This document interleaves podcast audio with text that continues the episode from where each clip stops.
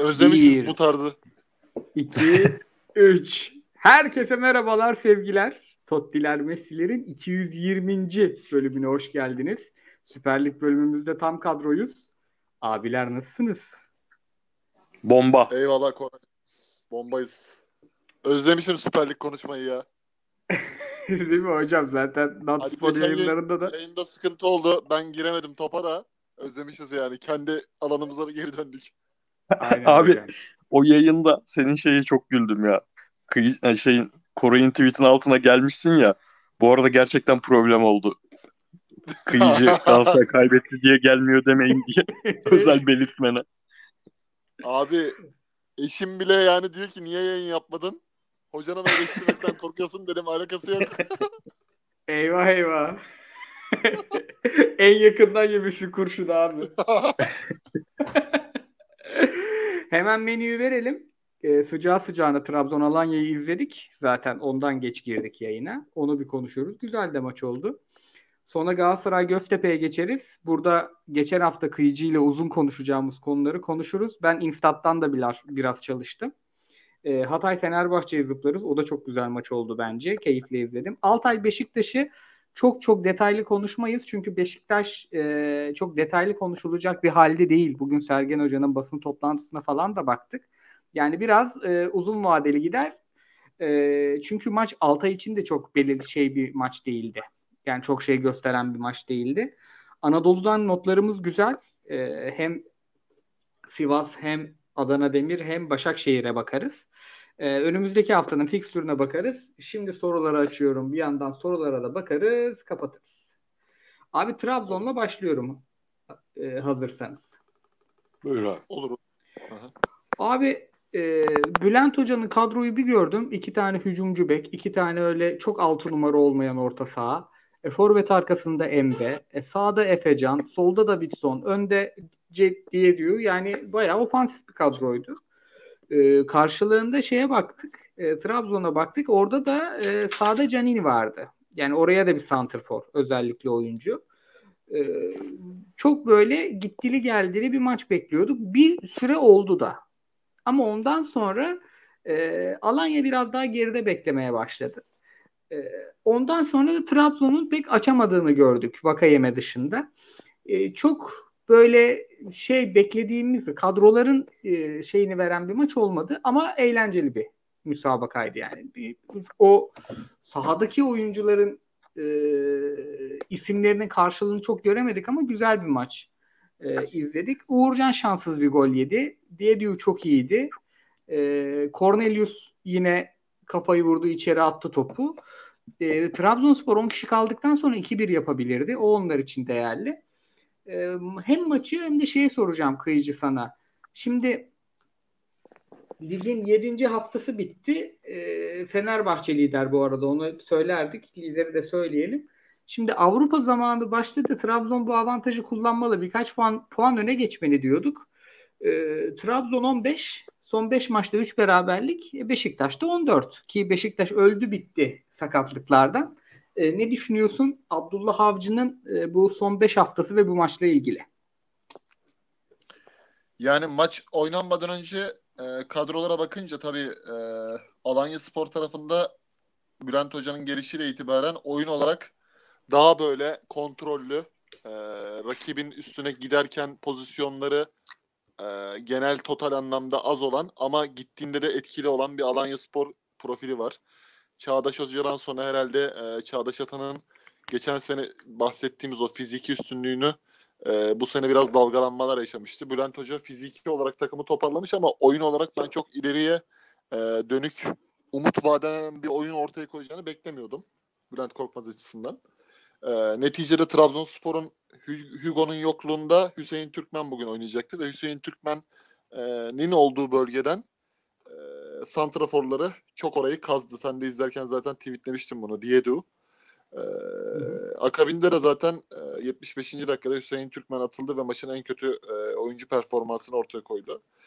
Özetle benim ilk yarıda en beğendiğim Trabzonspor'da oyuncu Hamsik'ti. Yani en çok mesafe kat eden oyuncu da oydu. Instas, istatistiklerinde de zaten e, baktım. En çok efor harcayan birinci sıradaki oyuncu oydu. Yani ben bu maçta Trabzon'un etkinliğini bekler işte İsmail ve Perez açısından olumlu buldum. Özellikle Göbek'te Berat ve Hamşik takımı tuttu ama e, bugün Canini ve Bakasetas'ı çok vasat buldum. Ki özellikle e, Vakayeme'nin de bazen böyle çıldırtan hani iç saha performansları olur ya. Hiçbir şey yapmaz ama hep dener ve başarısız olur. O da eklenince üretim açısından büyük sıkıntı yaşadılar. E, haliyle de maç yani ben 1-1 e, bitmesine şaşırmadım doğrusu. Çünkü e, maçın hakkı hakikaten beraberlikti derler ya öyle bir maçtı.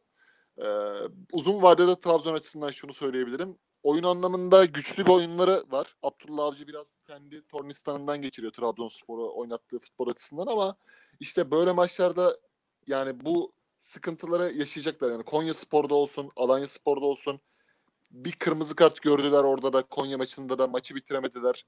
Ee, İlhan Palut'un ekibi de çok iyi cevap verdi ve Trabzon'a hakikaten çalış Trabzon üzerine oynayınca Trabzon'a çalışan bir takım gerçekten o faktörü belli ediyor. Rakibin zaaflarından yararlanıyor. Özellikle Abdullah Avcı'nın e, bunu düzeltmesi lazım. Bunu artık milli mı düzeltir çalışarak veya oyunculara ezber yaptırarak bilemiyorum. E, ama ben performans olarak bu kadar aşırı e, yaşlı oyuncuların efor e, harcamasını da Şubat ve Ocak ayı için o düzlükte riskli görüyorum Trabzon adına. Katılıyorum abi. Fritz'e de şöyle atacağım pası. Şimdi her maça baktığımızda Galatasaray maçı da dahil buna. Trabzonspor'un 3. 4. yerli olarak yani 3 oynatıyorsa 3, 4. alıyorsa 4. O yerliler her kimse oradan patlıyor takım. Yani bugün Hüseyin Türkmen İs- İsmail Köybaşı tarafını parçaladı Efecan ve diye diyor özellikle. Babakar girdikten sonra zaten attırdı Hüseyin'i e, Ab, şey e, Abdülkadir Ömür oynadığında oradan da patlıyorlar. Yani o zaman da e, Perez'in de etkinliğini çok düşürüyor çocuk. Geri de yardım etmiyor. Böyle iyi oynadığı benim beğendiğim maçları da var ama orada Cervinho oynadığı zaman Trabzonspor başka bir seviyeye çıkıyor. En azından öyle diyeyim. E, Berat dışında güvenilir bir yerli performansı bulmak çok zor. Hadi Uğurcan'ı koyuyoruz zaten. O üçüncü yerli sanki hep dert olacak gibi e, Trabzonspor'a sen ne diyorsun abi? Ya en iyi şartlarda bile beklediğimiz Trabzonspor oyunu olsa ve diğer takımlar Avrupa ile cebelleşirken 4-5 puan farkı koyabilmiş olsalardı bile o dediğin şey dert olacaktı. Üstüne bunu yapamadılar. Yani bunu yapmış olsalar oradan bir avantaj yakalayıp o oradaki riski en az indireceklerdi. Onu yakalayıp e, onu o farkı yakalayıp yakalamayıp üstüne bu da binince iyice iş, iş içinden çıkılmaz bir hal oluyor. Üstüne bir de yani kaleciyi de yerde kullanma avantajın var. Ama yani bunu da artık bahane etmemesi lazım bence hiçbir takımın. Çünkü rakiplerinde de aynı dert var. Bu ülkede hiçbir takım, hiçbir kulüp buna hazırlanmadı. Bu saçma kurala kimse hazırlamadı kendini. Yani rakiplerin de aynı şeylerle e, uğraşıyor, cebelleşiyor. Yani sen e, işte İsmail kullanmak, Abdülkadir kullanmak zorunda kalırken rakiplerde de e, ne bileyim Abdullah Ercan oynamıyor sol bekte. Onun, onun da problemli bölgelerinde yine Türkler oynamak zorunda kalıyor. Ama bu maçta ben e, ilk maçtan beri, Malatya maçından beri en beğendiğim, en değerli toplu Trabzonspor'u izledim ilk yarım saat. Yani bir Bülent Korkmaz takımına karşı oynamak zor. Sinir bozucu hatta. E, kıyıcının söylediği Vakayeme'nin saç baş yoldurmuran böyle 5 maçta 6 maçta bir denk gelen performanslardan birinin sebebi Janini'nin sadece topsuz oyundaki becerilerinin ön plana çıkması toplu oyunda e, onun da bekleneni yapamamasının falan sebebi bu kadar derinde bekleyen bir takıma karşı e, can sıkılıyor ve ilk 20 dakikada skor gelmezse oyun gözle görülür şekilde düşmeye başlıyor. Hep gördük bunu. Geçen hafta Galatasaray maçında sen de diyordun yani bu takımı bizim yenebilmemiz için ilk 20 dakika o dirençlerini kırmak lazım. Trabzon bence her şeyi iyi yaptı, doğru yaptı. Yani çok iyi yerleştiler, çok iyi dağıldılar, çok az geri koştular. İlk 20 dakika özellikle. Ama bunu yaparken yine efor harcamak zorunda kaldılar. Yaşlı kadro ve 20'den sonra 20'ye kadar Antalya hiç tehdit üretemedi.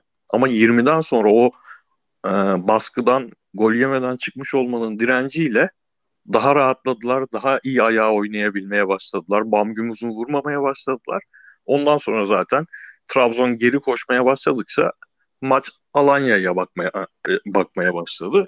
E bunun sonunda da Abdullah Avcı e, takımı maç önü hazırlığı çok iyi olmasına rağmen maç içi kararları sıkıntılı kararlar oldu ve bence bir puan bile iyi Trabzon için böyle bir maçın sonunda. Bu kadar süreyi de 10 kişi oynadıktan sonra. Evet evet sonda vallahi kopara da bilirlerdi. Bir tane şey e, yakaladılar da Cervinho indi kalenin ağzına. O zaman yavaş yavaş kapatalım Trabzon'u şeye zıplayalım. E, Galatasaray'a zıplayalım. Galatasaray'a çalıştım da. Yani tra- sıcağı sıcağına izlediğimiz maçın instat verilerine çalışamıyoruz ama Galatasaray'ın e, çalıştım. Şey enteresan yani Galatasaray'da istek var, koşu var, baskı var. Baskının üstünü e, altını çizmek istiyorum çünkü iyi Galatasaray kalitesiz bir baskı yapmıyor. Yani rakibi karşılamayı bilen bir takım bu. Kötü karşılamıyor Galatasaray. Bunu ileriki sorularım için altlık yapıyorum. Hani diziliş değiştirme konusuna da geleceğiz. Ama top 3. bölgeye geldiği anda bir acemilik başlıyor. Yani buna acemilik demek biraz e, kötü bir tabir ama e, top 3. bölgeye geldikten sonra oraya geldiği kadarki çabanın e, ahengin kalmadığını görüyoruz diyeyim daha tatlı bir şekilde. Ama orada çok fazla top kaybı oluyor. Yani çok az pozisyona dönüşüyor, çok az şuta dönüşüyor ve şöyle bir şey oluyor. Abi hani damlaya damlaya böyle e, suyla kayayı kırarlar ya. Biz de hortumla sıkıyoruz ama hiçbir şey olmuyor kayaya. Çünkü o atak sonuçlanmadıktan sonra bir geri koşuluyor, yine baskı yapılıyor. Bir geri koşuluyor, yine baskı yapılıyor. Bu sefer enerji düşüyor. Enerji düştükten sonra da rakip sazı ele almaya başlıyor. Çünkü senin takımın topu tutabilen bir takım da değil. Yani Göztepe maçı o biz bu maçı 5-0 alırız havasında başladı. Zor bitti. Kıyıcıya sorarak başlayayım onu da. Hani eforun pozisyona dönmeyince rakibin oyunu almaya başlamasını ve işte bu 90 dakika 2-2'ye biten maçlar da bence bu yüzden. Sen hani bunun çözümünü sahanın içinde mi, antrenman sahasında mı, dizilişte mi? Nerede görüyorsun abi? Maça da bir genel bakışını alalım. Aslında çok güzel konuya girdin Koray. Ben e, genel perspektif şöyle bakmak istiyorum. E, yani Galatasaray'ın dünkü maçtaki bas bence yalancı bir baskıydı dünkü başlangıçtaki baskısı da. Çünkü kalenin önünde Galatasaray'ın o bildiğimiz Fatih Terim futbolu dediğimiz iç saha e, ambiyansını yüksek hissettiren, tribüne hissettiren, sahada oyunculara keyif veren oyunu da yoktu. Hani Galatasaray biraz dün oyunu genişletmeyi tercih etti bana göre. Hani baskıyı yaptı ama oyunu biraz daha genişleterek baskı yapmak istedi. Ama bu da hani e, olumlu sonuçlanmadı. Zaten olumlu sonuçlanmayınca da farkındaysak e, genç bir takım olduğumuz için zaman zaman demoralize olmaya başlıyor oyuncular. O işte nasıl söyleyeyim kinetik enerjiyi rakibin üstüne yıkamadığı zaman Galatasaray bu defa geriliyor. Gerildiğinde de bireysel hatalar ortaya çıkıyor. Ve bunun neticesinde Luyendama ve Mustara AŞ'nin işbirliğiyle bir gol yedik.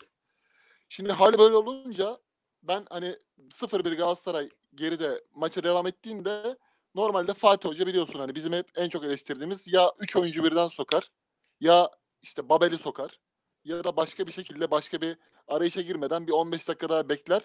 Bu defa reaksiyon verdi. İşte Luyendam Alpaslan ve e, Halil Dervişoğlu'nu oyuna Cagney'in yanına koyup Cagney'i oyuna alıp biraz daha böyle e, kaotik bir futbol ve işte nasıl söyleyeyim e, takımın daha öne itebilecek bir oyun planı ortaya koydu. Bunun neticesinde biraz e, şans faktörüyle Galatasaray skoru eşitledi. Ardından da e, Çikaldao'nun hiç yoktan uzun bir pasında Morutan'ın da bireysel becerileriyle e, skoru 2-1'e getirdi. Ha bu oyun olarak tatmin etti mi dersen Cagney'in oyun içerisindeki servisleri ve zaman zaman işte e, takımı en ileri merkez atak oyuncusu olarak öne itmesi hoşuma giden şeyler oldu ama genel anlamda tatmin etmedi. Tabii biz hep bunu konuşuyoruz mesela. Kriz anlarındaki takımlar için en önemli şey 3 puandır. Galatasaray o 3 puan almasını bildi. Şimdi ligin en kötü takımlarından biri bence Göztepe. Giresunspor'la beraber hatta Rize Spor'la beraber. Şimdi bir dönemeçi daha var. Rize Spor deplasmana girecek ve ardından milli araya girecek.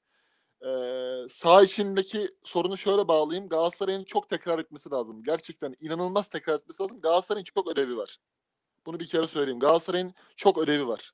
Hani Morutan topu ortadan aldığı zaman takım nasıl atağa kalkacak? Çikaldo takımı çıkaracağı zaman nasıl atağa kalkacak? Kim nereye oynayacak? Ezber yapması lazım Galatasaray'ın. Çünkü kenar oyuncularından Kerem Aktürkoğlu 10 dakika 10 tane top kaybediyor abi 15-20 dakikada. Böyle bir şey olamaz. Galatasaray'ın böyle bir lüksü yok yani. Net. Yani Kerem Aktürkoğlu'nun 10 tane top kaybı yapabilecek bir lüksü yok. Orası Galatasaray. Galatasaray'da olmaz yani bu. Göztepe'de olur. Samsun Spor'da falan olur yani alt ligde. Ama Galatasaray'da bu olmaz yani. Samsun Spor'da bile 10 tane top kaybeden adam yoktur 15-20 dakikada da. Yani e, oyun şablonu üzerine pas, pasın doğru pas üzerine nasıl oyun kurulacak üzerine çok, çok çalışması lazım. Biz Kayseri maçındaki yayına ben gelemedim. Sizin yayınınızı da dinledim. Çok güzel yerlere temas ettiniz. %100 katılıyorum ve ilave yapmak istiyorum. Fatih Hoca'nın takımının çalışmadığı çok belli belliydi Kayseri'de ve cezalandırıldı. Ama Galatasaray'ın ödevlerini yapması bundan sonra bir vakti de yok. Zamanı da yok. Her şeye rağmen Fatih Hoca'nın oyununu e, nasıl söyleyeyim mem- oyundan memnun değilim diyor ama oyundan memnun değilse hocanın da bir B planı ortaya koyması lazım bence. Çünkü ben de bunu kabul etmiyorum. Hocanın kendisine bu konuda çok çok çok nasıl söyleyeyim e, kendini inkar ettiğini düşünüyorum. Hocanın mutlaka ama mutlaka bir B planı hatta hatta oyun içinde dünkü yaptığı gibi kaotik oyuna geçiş, geçiş bile bir plan bence. Yani en azından dedik ki biz hani old school eski tip oynayacağız. Cagney'in yanına Halil sokulacak. İşte biraz kaotik bir oyun. Pozisyonları arttıracağız yani. Bu vitesi biraz büyüteceğiz diye hamle yaptık. Hocanın bunları bence radikal bir çözüme ulaştırması lazım. Bu baklava diziliş mi olur?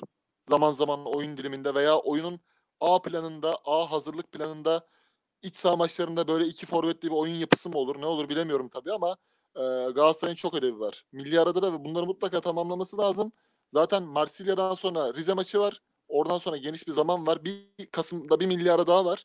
Eğer hocanın kafasında işaret ettiği Ocak ayındaki e, futbol olarak yukarı çıkacak Galatasaray olacaksa gerçekten öncelikle bunlar bizim ödevimiz yani. Çünkü bu oyun planı ve e, nasıl söyleyeyim kreatif eksiklikle Galatasaray'ın işi zor. Ben hocanın dünkü basın toplantısına dikkatli dinledim. Göztepe hocasını da dinledim Galatasaray hakkında ne diyor diye. Hani o zaten biraz kendi e, açısından yorum ele aldı. Süper Lig'de Göztepe'nin durum açısından değerlendirdi ama hoca yani iyi oynadık gözüyle bakıyor ilk yarıya. Bence iyi oynamadık yani. İlk yarıda Evet. sadece biz şey yapmışız hani işte beyler bu maçı kendi futbolcu kimliğiniz için oynayacaksınız falan filan. Bunu gördüm yani. Ben oyun görmedim. Sadece bir geniş alana yayılan ve kaleye gitmekte zorlanan, gittiğinde de etkin olamayan ama işte o demoralizeyi üstünden atamayınca gol yiyen bir Galatasaray gördüm. Bu arada e, ben maç esnasında fark etmemiştim. Sadece şeyi fark ettim. Ben Çikaldağ en sevdiğim oyuncu bu sene Galatasaray'da. Ama normalden hani çocuğa öyle bir alıştık ki aldığı topu faydalı kullanıyor sürekli ya da bir de yıkılmıyor boyutuna rağmen. Normalden fazla top kaybediyor gibi geldi. Ondan sonra Instat'ta hareket verilerine falan bakıyorsun böyle işte nerede almış ne yapmış, nerede almış ne yapmış, topla ne kadar oynamış, nasıl oynamış. Bir de topla kim ne kadar oynamış. Yani artık analizden senteze geçirebiliyor app seni. Ee, şeye bir baktım. sen şunu mesela değil mi? Mesela sen analizlerde bakıyorsun mesela Çikaldağ'ın pozisyondaki rolüne bakıyorsun. Bunun arkasına Marco'la geldiği zaman orada bir kıvılcım çakar diyorsun yani. Tabii. Ben şimdi onu konuşacağız zaten. Ben şu an aslında üzerine konuşmanın en keyifli olduğu takım Galatasaray. Neden? Bir kötü oynuyor. Çünkü çözüm üretebiliyorsun. İyi oynasa zaten nasıl iyi oynadığını anlatacaksın. Şimdi ahkam kesebiliyoruz. İkincisi de kazanıyor. Bir umut var hala. Yani bir şekilde kazanmış. İşte Lazio maçı var falan. E, şeyi fark ettim. El Maestro bizim ön liberomuza da stoperlerimize de çok basmamış. Ama Çikaldağ'ı hep iki kişi basmışlar abi. Hep tepesine binmişler çocuğun. %41 ikili mücadele kazanma oranı ki kolay kolay görmeyiz Çikaldağ'dan onu. %76 da pas yüzdesi. Bu çocuk çok nadir yapar. Gerçi ters top falan çok denedi ama ona rağmen hani Göztepe ona bir hazırlanmış. Bunun sonucunda da bizim en çok pas atan oyuncumuz Van Aanholt olmuş. Çünkü baskıyı yiyince beke dönmüş. Baskıyı yiyince beke dönmüş. Ya da stoper Çikaldağ'a veremeyince sol stoper e, yine beke dönmüş. E, Van Aanholt ki hiç e, beğenmiyoruz son dönemde oyununu. En çok pas yapan oyuncu olmuş. İyi fena hazırlanmamışlar ama maalesef kötü takım. Şimdi e, dediğim o en keyifli yere geliyoruz. Oraya da Fritz hocamla başlayacağım. Abi şimdi kıyıcının bir önerisi var. Farklı bir dizilişle. Ona ayrı soracağım. Geçen hafta da onunla konuştuğumuzu da sana sordum. Ben bu oynadığımız maçlara baktığımda şunu görüyorum. Galatasaray'ın topu öne taşırken problemi var. Öne taşıdığı topu şuta dönüştürürken problemi var. Ve ikinci topları alırken ve topu önde tutarken problemi var. Ama iyi yaptığı şeyler de var. Dediğim gibi bir, fena karşılamıyor bu takım. Yani ya bir 4-3-3 dizildik savunmada çok delindik diyemiyoruz. Önde bastığı zaman kazanabiliyor. Özellikle içerideki maçlarda. Lazio maçında da öyle. Benim de şöyle bir zihni sinir projem var. En çok top kaybeden oyuncuları kim bu takımın? Hep kanat oyuncuları. Biz de 4-3-3'ün kanatlarında madem kanat oyuncusu oynatmayıp Cagney'i uca koyup Halil'i sol forvet gibi konumlandırıp Morutan'ı sağ forvet gibi Feguli'nin rolünde ama sürekli içe giren bir sağ forvet olarak konumlandırıp savunmadan çıkış sorununu Berkan'ın arkasına Asunsao'yu atarak çünkü çocuk alıp belli o sericik o çözüp dönen topları almayı, ikinci topları basmayı, o baskıyı kurmayı maç başına 13 kilometre koşan Berkan'la çözüp Berkan Asunsao'nun yanına da Çikaldao'yu koyup biraz da o çocuğu bir rahatlatıp böyle bir 4-3-3 daha faydalı yani Kerem'in kaybettiklerindense Halil'in terse dönüp Cagney'e bıraktıkları ya da Moruta'nın merkezde ezilmesindense ki merkezde de çok iyi oynuyor çocuk. Kanattan merkeze akıp Sasha Boye'in ki takımla çalışmaya başlamış önünü açması böyle daha güzel bir şey hayal kurduruyor mu sana? Ya Sa- Saşa'nın içinde olduğu her e, söyleyeceğin şey bana şu anki oynanan futboldan daha iyi hayal kurduruyor. Bir, bir ayak çok net eksik oynanıyor Galatasaray'da. Bana onun ayağı zaten komple yok. Olan ayağımız da kırılmış şekilde gidiyoruz. Bir de Halil kısmı önemli. Halil'in tek santrafor oynadığı her maç e, bu hani sürekli şey oluyor bizde. Hocanın ilk geldiği zaman şans vermediği, çok az oynadığı için olduğundan daha kıymetli görünen bazı oyuncular oluyor ya. Halil de şu an o durumdaydı. Çok ekstra önem atfedildi Halil'e. Tek santrafor oynarsa o önem tam tersine dönüp bu sefer en çok eleştirilen oyunculardan biri olmaya doğru gider Halil. Halil'in bir kere Cagne Mustafa kararının verilip Halil'in oyuncuların yardımcısı olması gerektiği net. E, Moruta'nın da senin söylediğin eski iyi Feguli rolünde kanatta ön tarafta olması da çok net gibi görünüyor şu anki oyun içinde. Hani buradaki tek eksik beklerde en azından birinin düzgün bek olması. Boyu geldiği zaman benim buna itirazım olmaz. Orta sahada e, hani Berkan tercihi de şey olarak olmak zorunda. Hem e, benim beklediğimden çok daha fazla iyi bir fiziksel direnç koyması hem de takım organizasyonlarını iyi yaptığında bu oyuncunun esas oyunculuğu olan pa- pas özelliğini kullanabilmeye başlarız. Ve senin söylediğin gibi Çikaldao'nun da şimdi rakipler tarafından yamyam gibi basılması, onun üzerine oynanmasını kırabilir bu durum. Ama yine yaratıcılığı çok eksik bir Galatasaray olur bu bana göre. Evet ama ben zaten hep yani ilk bölümden beri şeyciyim ya bu takım böyle biraz kabız bir takım olacak ama hayvan gibi koşup keyif verecekçiyim. O yüzden o, o orada aynı sayfadayız. Ben ona e, şey yapıyorum. Esas Kayseri maçında da konuşamadık. Abi sen ne diyorsun? Hani ben 4-3-3'ü tutalım. Oyuncuları ve şablonu değiştirelim. C'yim. Yani FM oynasam öyle yaparım. FM 2022'de 4-3-3 oynatacağım Galatasaray'a. Senin ama baklava orta saha ya da bir 4-4-2 e, önerin var. Onu bir alabilir miyiz? Dinleyicilerimiz de hem direkt senden dinlesin. Ya ben mesela Göztepe maçındaki planla Göztepe'den daha üst kalibrede yani o atıyorum Sivas Spor veya işte başka bir takım Göztepe'nin durumundan daha iyi bir takımla veya işte çok uzağa gitmeye gerek yok ya. Kayseri Spor bizi 3-0 yendi. Şimdi biz Kayseri Spor maçına mesela kadrolara ben baktım. Kayseri Spor'un orta sahasında kim var abi? Atama. Geçen sene Ankara gücü maçından bildiğimiz Bam Güm Dandun giren bir oyuncu İbrahim Akta. Onun önünde de Mensa. Üç tane Pirana. Galatasaray orta sahasına baktım.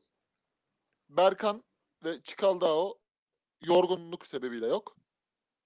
Asun Çao iyi bir oyuncu. Kumaşı yani gösteriyor. Çocuktan bir şey olabilir. Hani bu oyuncunun ilk maçı Türkiye Ligi'nde Kayseri bu, bu, bu orta sahaya karşı. İşte Emre Kılınç ve Taylan. Yani şimdi hocayı anlayamadım orada. Ne düşündü? Neden bunu tercih etti? Hani sen bir sertliğe karşı tam tersi bir yumuşaklık daha böyle kadife ayaklı oyuncu derler ya öyle oyuncular tercih ediyorsun. Biz zaten orta sahada kaybettik. E şimdi Galatasaray'ın Fatih Hoca'nın 3. gelişinde ve 4. gelişindeki takımlar nasıl şampiyon oldu abi? O 4 şampiyonluk orta sahada kazanıldı. Şimdi bizim elimizde de oyuncu profili orta saha olarak şu anki kötü bir orta saha şey değil yani. Öyle bir iklim yok yani orta sahada. Hani Berkan'dır, tempolu oyuncu, çıkaldı o ayağı iyi oyuncu. Uzun sıksan uzun sıkıyorsun. Top aldığı zaman ne yaptığını biliyor. E şimdi Taylan var geçen sene pozisyonu devşirdi. O yumuşak bir oyuncu ama iş yapacak bir oyuncu. Geçen sene Fritz'in çok beğendiği Emre Kılıç var. İç, iç profilleri oynadı. Kenarda da oynadı Sivas'ta. E şimdi Asun Sao geldi. Bu da mesela nasıl söyleyeyim teknik bir oyuncu. Şimdi buradan bir yapı çıkartılır. Ama Fatih Hoca Kayseri maçında ona güvenenlerin de acaba dedirtti. Yani hocam kusura bakmasın ben Kayseri maçında tamamen hoca odaklı zaten eleştirilerimi yaptım. Hatta ve hatta yani hocanın o kadrosunu hala kafamda düşündüğüm zaman konumlandıramıyorum. Ne düşündü, ne yapmak istedi. Hani rotasyonu yapıyor, rotasyonu yanlış maçta yapıyor. Rotasyon Lazio maçından sonra Alanya'da yapılır. İçerideki maçta yapılır esasen. Hani deplasmanda Kayseri'ye öyle rotasyon yapılmaz. Kayseri'de Berkan Çıkal'da oynar. Bence. Tabii Şimdi hal böyle olunca da Buyur abi buyur. Yok, buyur buyur abi. Ya o 3 yani, puanı alsaydı diyordum ya. Şu önemli bir şey söylemedim. Tabii yani e, şimdi hal böyle olunca o zaman hocanın bir kararsızlığını biz burada izleyenler ve takımı destekleyenler olarak görüyoruz. Hocayı da tanıdığımız, bildiğimiz hoca olduğu için hocanın kafasındaki bu gelgitleri düşününce ben şunu diyorum. O zaman e, şunu yapmamız gerekir belki de. Yani bizim bir B planımız ve C planımız da olmalı. Bizim C planımız zaten 4-2-3-1. Zaman zaman işte Lazio maçındaki gibi Taylan Berkan önünde işte e, Morutan serbest oyuncu bahsettiğin gibi deminki anlatımında. Ya da biz içerideki maçlarda daha böyle e, hücum odaklı bir baklava diziliş. İşte nasıl olur atıyorum. İşte Boy, işte Nelson, Marcao, Van Aanholt zaten klasik. Bu dörtlü geldikten sonra Marcao'nun pasörlüğünde düşünürsek önlerinde e, Asonsao veya Taylan veya Berkan veya Taylan sınırı düşünerek 3 e, yerli olayını e, 6 numarada Berkan'ı düşünürsek 4-1 işte Çikaldao yanında Taylan veya Asunsao o ikili veya Berkan Çikaldao, Berkan sonra Çikaldao sağ iç, derinde Taylan. Onun önünde de serbest Morutan ve Cagne Halil Dervişoğlu. Halil Dervişoğlu biraz daha böyle e, 11-12'nin Necati'si tarzı. Geriye gelip de destek forvet rolünde. E, ve böylece Kerem'in de biraz sen otur dinlen dersin zaman zaman. Hatta zaman zaman 4-4-2'ye döndüğünde de Emre Kılıncı e, sağ çizgide kullanırsın. Asimetrik bir oyun ortaya korsak işte Emre Kılıncı'nın arkasında Trabzon'daki gibi e, Yedlin veya işte Boye iyiyse Boye oynar. E, bunu bunu bunu hesap ediyorum. Ama yani benim en çok merak ettiğim şey şu. Hoca neden abi geçen seneki gibi e, geçen sene şampiyonluk yürüyüşü yaparken 4-4-2, 4-1-2-1-2 falan denedi. Bu sezon yeni takımla neden elindeki malzeme de aslında olabilecekken hiç düşünmüyor bunu. Hani Göztepe maçında bir öyle sinyal çaktı ama bunu neden B planı veya C planı düşünmüyor? Bunu merak ediyorum. Veya işte Kayseri gibi sert takımlarla oynarken neden orta sahayı ben kazanayım diye düşünmüyor ve biz orada teslim olduk. Abi aslında biz farklı dizilişlerle aynı 11'leri istiyoruz Galatasaray maçlarında. Fritz'i de o zaman şöyle sorayım abi. Benim kıyıcının 11'indeki derdim bizim beklerin o kanatlara emanet edeceğimiz bekler olmaması. Ee, dolayısıyla hep önlerinde birini yani o topla çıkarken bir, o bir kutuyu oluşturacak bir açık oyuncusu en azından rolü olan birinin olması gerektiği ona bir zorunluluğumuz olduğunu düşünüyorum. Sen ne diyorsun? Hatta bunu çok da uzatmayız. Son bir kıyıcıya pas atar kapatırız Galatasaray'ı. Benim de birebir o abi. Özellikle baklava ile ilgili en büyük derdim o. Çünkü e, Marco Rose baklava hayranı bir teknik direktör. Bunu elinde Jude Bellingham gibi 3 kişilik oynayan bir oyuncu varken bile oynadığı zaman savunması delik deşik oluyor. Çünkü beklerinden bir tanesi muhteşem yeteneklere, hücum yeteneklerine sahip olmasına rağmen e, sol tarafta savunma e, stoperiyle hiç anlaşamayan bir oyuncu. Öbürü iyi bir savunmacı olmasına rağmen e, orta sahaya katkı veremeyen bir oyuncu. O yüzden Haaland isterse her maç 20 gol atsın. Borussia Dortmund kazanan bir takıma dönüşemiyor. Şimdi elinde Jude Bellingham olan, Axel Witsel olan yani gerçekten bu ikisini Axel Witsel'i derine koyuyor. Önüne Jude Bellingham koyuyor. E, bu takımın böyle bir takımın çok iyi bir geçiş savunması takımı olmasını hayal edersin. Olmuyor abi onlar bile yapamıyor. Biz Van Aanholt'larla, Nelson'larla, Luyendama'larla bunu yapmamızın imkanı olduğunu düşünmüyorum. Çünkü Galatasaray e, geçen sene böyle çok iyi savunma rakamları bir dönem yakalamış olmasına rağmen savunması çok sıkıntılı bir takım. Yani çok kolay ceza sahasına girilebilen bir takım Galatasaray. Böyle bir dizilişte o hücumdaki problemler çözülürken savunmadaki problemler 2-3 katına çıkabilir gibi geliyor. Ama en nihayetinde diziliş işi gerçekten e, aslında tali bir iş bana göre. Yani hazırlığını hangi dizilişle olsun doğru yaparsan, organizasyonunu iyi kurarsan ve e, yavaş her maç yeni bir e, üstüne koyma emaresi gösterirsen Crystal Palace penaltı atıyor. Zaha 1-0. E, diziliş falan biz bırakırız abi. Diziliş de bırakırız. E, bireysel performansları da bu kadar. Her maç çeşitli oyuncuların üzerine yüklenme işini de bırakırız. Diyeyim bırakayım yani. Hiç konuşmayacağım diye geldiğim yayında yine Koray epey konuşturdum beni. o zaman e, zıplıyorum Hatay Fenerbahçe maçına. Abi bence e, Altay daha spektaküler bir takım. İşte Bülent Hoca'nın Alanya'sı daha sert bir takım, daha tehlikeli bir takım. İşte Davidsonlar, şunlar bunlar. Ama e, içlerinde bu hafta büyüklerin oynadıklarını, şampiyonluk adaylarının oynadığı takımların içinde e, en dengeli takım Hatay. Yani Hatay topu verirsen toplu oynuyor. Savunmaya kapatırsan iyi savunma yapıyor. Kontraya zorlarsan kontra da yapıyor. Ömer Erdoğan'ın takımı her şeyi belirli seviyelerde yapıyor. Ee, Vitor Pereira da açıkçası topla çok oynamamayı seçti. Yani bu takımın bir yerden izin verirsek onu kullanacaklar. İzin verdiği şey topla hücum etmek olsun dediler ve tekrar Instat'tan bir kontrol edeyim toplu oynamaları. Ee, yüzde kaçtı ya? Yüzde 60 küsurdu şeyin oynaması. Hemen bakıyorum. Çok özür dilerim. Önümde açıkmış zaten. Ee, yüzde 66 Hatay'ın toplu oynaması. Yani bu bir Fenerbahçe'nin iyi oynadığı bir maçta topla %34 oynamasını çok beklemeyiz ama iyi oynadılar. Nasıl oynadılar? Çok hızlı kaleye indiler. Çok direk oynadılar. Bir de en güçlü oldukları alana güvendiler. Neresi burası? Kim ve Zalai. Yani özellikle ikisinin de ikili mücadele kazanma oranı falan inanılmaz. Yani geçirmiyorlar. Bir de e, rakibi dar alan yani öyle adamlar ki bunlar Dar alanda çevikler, geniş alanda da süratleri fena değil. Özellikle kim bayağı süratli bir oyuncu.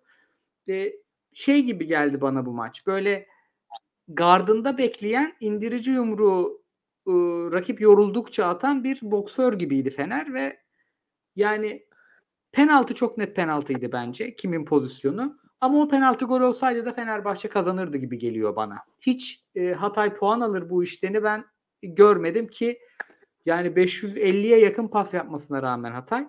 Dolayısıyla çok değerli bir 3 puan aldı Fenerbahçe ve liderliğe yükseldi. Fener'in liderliğe yükselmesi mühim. Çünkü hala işte Mesut Özil tartışmaları, Pereira tartışmaları bitmiyor. En son Miha Zayt'ten bir dolandırıcılık mevzusu çıkmış şimdi. Fenerbahçe'de sular çok durulmuyor. Dolayısıyla bu sağlam oyun ve liderlik bence önemliydi. Hele Avrupa maçından önce. Sen ne diyorsun Kıyıcı? Yine senle başlayalım. Yani Fenerbahçe için e, önemli test sınavlarından biriydi bu Hatay Spor deplasmanı. Maçtan önce e, kadroya baktığım zaman işte Ener Valencia'yı biraz daha böyle statik 9 santrafor Berisha'yı arkasında gördüm. Burada herhalde biraz e, Berisha'nın servislerine çok Vitor Pereira işte etrafında Rossi, Valencia gibi oyuncuların Ferdi'nin hatta kenardan destek e, hesap edilmiş bir oyun mantalitesi vardı. Tabii biz işte yayında olduğumuz için ilk 15 dakika 20 dakikaya falan pek bakamadık. Ben önce oralardan sonra açtım da e, maçtan sonra çok dikkatimi çeken bir şey oldu. Genelde ben Süper Lig takımlarında e, iyi oynadığı veya iyi oynamaya yakın olduğu maçlarda hep gol beklentisine bakıyorum. XG gol beklentisinde 3.38 göstermişti Fenerbahçe'nin ve kaçan 4 tane net pozisyon vardı. Ee, yani bu Fenerbahçe adına çok önemli bir e, netice tabloda. E, %34 topla oynayan bir takım. Zor bir deplasman ve 4 tane kaçan net pozisyon var. İşte özellikle Serdar Dursun, Osay ve e, Crespo'nun oyuna girdiğinde de Fenerbahçe denge anlamında skoru da korudu yani. Oralarda Fenerbahçe'nin Crespo bile yani kim bu adam denilmişti. Şimdi Fenerbahçeliler genelde ben baktım beğenmişler o maçtaki performansını. Hatta ve hatta hazırlık kampında Serdar Dursun da biz sezon içinde konuşuyorduk. Yedekten iyi hamle olur transfer gibi konuşmuştuk. Ee, doğru değişiklikler de yaptılar orada. Berisha çok yorulmuştu. Vitor Pereira Serdar Dursun aldı. Kenarda işte Valencia'yı biraz dinlendirmek istedi. O sayıyı sağ çizgiye koydu. İşte e, Berisha'nın yerine Serdar aldığı için Serdar Santrafor'a geçti. Yani bir oyun aklı sürdürülebilir şekilde devam etti. Ben en çok bunu beğendim Fenerbahçe adına. Ee, tabii şimdi zaman zaman şöyle bir şey oluyor. Çok ters köşe yapıyor Vitor Pereira. Fenerbahçe yazarlarında da ters köşe yapıyor. Nasıl dersen şimdi iki tane sabit oyuncuyu sürekli övüyorlar. Kim Minje ve Zalai. Ama şimdi mesela bir hafta Ferdi eleştiriyorlar. Ferdi ertesi hafta çok iyi oynuyor. Bir hafta Valencia'yı eleştiriyorlar. Valencia son iki hafta kötü oynuyor. Ondan sonraki hafta iyi oynuyor. İşte bir hafta Muhammed olmaz diyorlar. Muhammed hayatının en iyi maçını oynuyor hiç oynamadığı bölgede. İşte Gustavo'yu övüyorlar. Gustavo ertesi maç kötü oynuyor. Çok böyle şapkadan tavşan çıkarıyor. iyi ya da kötü anlamda. Yani ben Fenerli yazarları okumayı seviyorum işte. Gürcan Bilgiç, Serdar Ali Çelikler, Mehmet Demirkol. Genelde onların yazılarına bakınca e, e, böyle ardışık şekilde gidiyor abi. Övdükleri adam ertesi hafta kötü. Sonra e, kötüledikleri adam ertesi hafta maçın oyuncusu gibi. Yani Vitor'un bu yönüyle taraftarın çok hoşuna gidiyor herhalde ya. Çok trollüyor yani Fenerlileri. Abi bugün de Onun bu maçta da şöyle bağlayayım. Hani Valencia kesinlikle Buyurun. bu takımda 11 çıkar abi. Yani Rossi Net, falan hani net. fizik gücü olarak fizik güç olarak yani zayıf kaldığı anlar oluyor. Süper Lig gibi bir adam hani MLS'ten geldi. Alışma süreci var. Çok normal ama Valencia direkt tahtada 11'e yazılır. Hani Luis Gustavo, Valencia, Zalai, Kim Min-jae, Altay ee, hatta mecburen Ferdi 6 oyuncunun yeri garanti yani Fener'de bence. Diğerleri de form durumu ve pozisyona göre işte işte Pelkas gelirse Pelkas ee, Osay gelirse Osay ama bir tek hocanın şunu gördüm. Burak Kapacağı şans vermiyor. Bunun yönetim transferi olduğunu söylüyorlar. O yüzden kendi okeylemeyip yönetimin aldığı bir oyuncu olarak söylüyorlar. Yani Vitor da inatçı bir adam. Belki çocuk Fransa'ya falan gidecekti. Belki de o yönden pişmandır gitmediğine. Bu arada sen konuşurken abi e, Fritz'e soracağım soruya data arıyordum. Şey çok iyi. 7 hafta sonunda rakip yarı sahada 3. bölgede rakip ceza sahasında topla en çok buluşan takım top üçünde de lider Fenerbahçe. Bir şekilde sokuyorlar Evet, topu oraya mantıklı. yani. Bu bunlar hep bu hocalık. Yani ben Bak, pozisyon hocalık. topla az oynasalar bile gol pozisyonu bulma ve şut. Yani şut işte kaçan pozisyon bu yönden Fener'in bir sıkıntısı olduğunu düşünmüyorum ya. Hani savunma da Aynen, dediğin aynen. gibi güçlü ya. O, o riski o riski alabiliyorlar yani. Ama mesela Yani Giresun gayet- maçında beğenmedim. Gayet dengeli bir takım. Ben de ben de beğenmedim. Ee, yani ama şeyde görüyorum Fenerbahçe karşısına çalışması kolay bir takım değil. Mesela Galatasaray'a çalıştığın gibi çalışamıyorsun. Çünkü yaptığı Evet. bazı şeyleri e, çok iyi yapıyor abi o savunma gibi. Şeye de bugün Vitor Pereira çok sevinmiştir herhalde. En çok pas yapan 3 oyuncusu iki beki ve Gustavo. Yani topu stoperlerde çok oyalamadan, evelemeden, gevelemeden taşıyabilmişler ileriye. Fritz'e de şunu hazırladım. Abi şimdi senin anlattığın, biz geçen hafta Mert Hakan'la ilgili e, konuşmuştuk. Sen demiştin ki ama bütün e, iyi oynadığı maçları şeyde Gustavo'nun yanında oynadı. Yani normalde mevkisi orası değil diyorsun ama Koray orada oynadı. Bugün yine orada oynadı bu maçta ve şimdi şunu soruyorum. Yani o direkt oyunun çok önemli unsurlarından biriydi. Ee, acaba İrfan dönünce Rossi gibi, Berisha gibi, Özil gibi yani anında iş değiştiren oyunculardan birini mi kesecek? Çünkü Mert Hakan'ın direkt oynadığı oyuna İrfan, İrfan Can'ın da katkısı yüksek olur. Yoksa yok babacığım tamam iyi oynadı ama e, İrfan'ın klası başka deyip e, Gustavo'nun yanına mı çekecek sence? Abi maça göre karar vereceğini düşünüyorum. Yani içeride Giresun'la oynuyorsun. İçeride ha, şu, e, bu hatayla oynuyorsun mesela. Yine ben Mert Hakan tercih edeceğini düşünüyorum. Ama maçların sertliği art, rakiplerin sertliği arttığı zaman o ter yani pardon öyle durumlarda İrfan'ı oynatabileceğini düşünüyorum ama ma- maçların sertliği arttığında e, Mert Hakan tercihinin devam edeceğini düşünüyorum. Çünkü Mert Hakan e, belli bir denge getiriyor bu takımın oyununa. E, stoperlerden biri bindirdiği zaman oradaki sigortalardan biri oluyor Mert Hakan. Hani bizim e, bizim değil herkesin neredeyse en azından Ozan Tufan'a çok olumsuz bakmayan her insanın ya Ozan Tufan bu takımın en kilit o anlamda oyuncusu olabilirdi dediği rolü şu an o kadro içinde yapabilecek tek oyuncu Mert Hakan. E, çünkü Mert Hakan'ın yetenekleri bir büyük takımın e, ön tarafının parçası olmaya yetmiyor. Ama Gustavo gibi formda bir Gustavo olduğu zaman o takımın içerisinde orta sahasının e, gitme gelme işini yapan geçişlerde belki taktiksel sadakati çok yüksek olmasa da taktiksel bilgisi çok yüksek olmasa da e, enerjisiyle e, takımın geri koşmasını engelleyecek hamleleri yapan oyuncu olması anlamında e, önemli bir rol edinecek, ed- edinmeye devam edecek bence o anlamda. Ama yani bu senenin Fenerbahçe şey, konuşma anlamında da bu soruyu sürekli soracağız bence yani. Gustavo'nun bu kadar çok santrofor arkasında oynayabilen oyuncudan hangisi Gustavo'nun yanına çekilecek? İrfan Can'ın en iyi rolü ne olacak? İrfan, e, Pelkas, Mesut bilmem ne hepsi aynı anda sahaya nasıl atılacak falan bunları sürekli konuşacağız bence. Yani hiç ve e, diğer takımların da çok fazla arızası olduğu gibi Fenerbahçe'de hiçbir zaman vurup giden takım hüviyetine bürünmeyeceğini tahmin ediyorum ben. O yüzden de hep bir e, skorlara göre şu olsa daha iyi ol, o, olurdu konuşulacak bu kadro için. Aynen.